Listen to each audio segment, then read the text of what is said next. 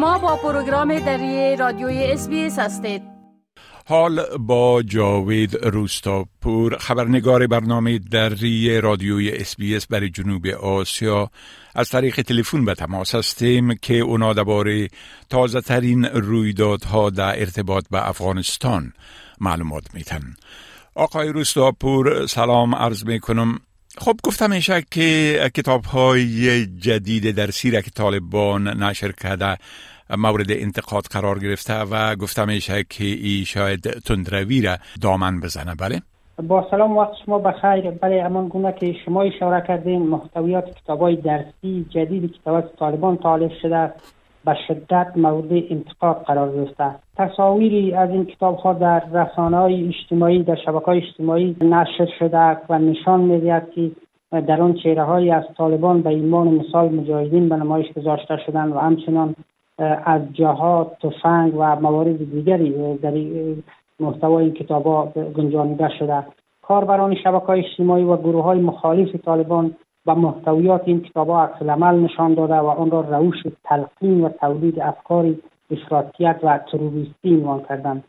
در واکنش به محتویات این کتاب ها همچنان گفتند که گروه طالبان نظام آموزش کشور را به کشیدند و این روش در آینده می‌تونه که یک نسل را افراطی و تروریست تربیه کنه که آینده افغانستان با چنین روشی با خطر جدی مواجه همچنان شمار دیگری از کاربران شبکه های اجتماعی تاکید کردند که بهترین گزینه در شرایطی که مکاتب بنمایه و هدف اصلی خود از دست داده تحریم کلی است و تقویت مکاتب خانگی است باید مردم از این روش استفاده کنند. در غیر از او دیری نخواهد گذشت. که نسل نوی افغانستان همه به افراطی و تروریست و افکارشان به شدت به طرف تروریست شدن و افراطیت روان خواهد شد. ولی طالبان در واکنش به افراد و طرفدارای طالبان البته در واکنش به این نظرات واکنش نشان دادن و گفتن که آنچه اینا در این کتابا گنجاندن محتویاتش اسلامی است و نسل آینده را به گفته طرفداران طالبان اصلاح خواهد کرد. بله خب گفتم میشه که طالبا به گزارش اخیر ملل متحد در مورد حقوق بشر در افغانستان اعتراض کرده و او را نادرست خواندن. بله. سخنگوی طالب به گزارش تازه یونما گفته که این گزارش حقیقت ندارد و کاملا منفی است. زبیلای مجاهد ادعا کرده که امنیت در افغانستان تامین است و طالبان کسی را خودسرانه دستگیر نکردند. و گفته مجاهد این گونه گزارش ها بر پایه نقل قولای از افرادی تایید شده که از افغانستان فرار کردند و اکنون در عوض جبهه نظامی و جبهه تبلیغاتی را علیه طالبان گرفتند.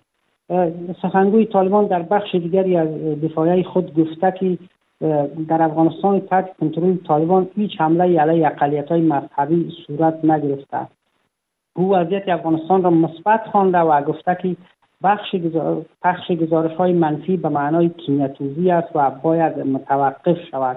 این در حال است که در گزارش تازه یونما که روز گذشته اعلام شد نشر شد تاکید شده که طالبان به بازداشت نظامیان پیشین و اونجا در کابل و ولایت ادامه داده و همچنان قتل های فراقانونی کارمندان و نظامیان حکومت پیشین در ولایات شدت گرفته است.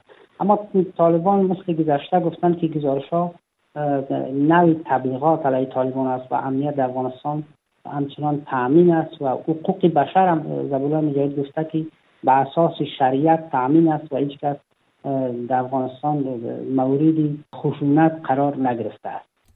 بله خب ادعاهای موجود است که والی طالبان در دایکندی مواد امدادی را که باید به مردم مستحق توضیح شود او را به نزدیکان خود داده و او را حیف و میل کرده بله با گفته منابع معلی در دایکندی امین الله عبیدی والی طالبان در این ولایت دست کم 50 تن گندم و 20 موتر باروری پر از کمک های بشردوستانه همین باشندگان این ولایت را به دوستان و نزدیکانش در ولایت های غور، میدان وردک، فرا و اروزگان اهدا کرده است.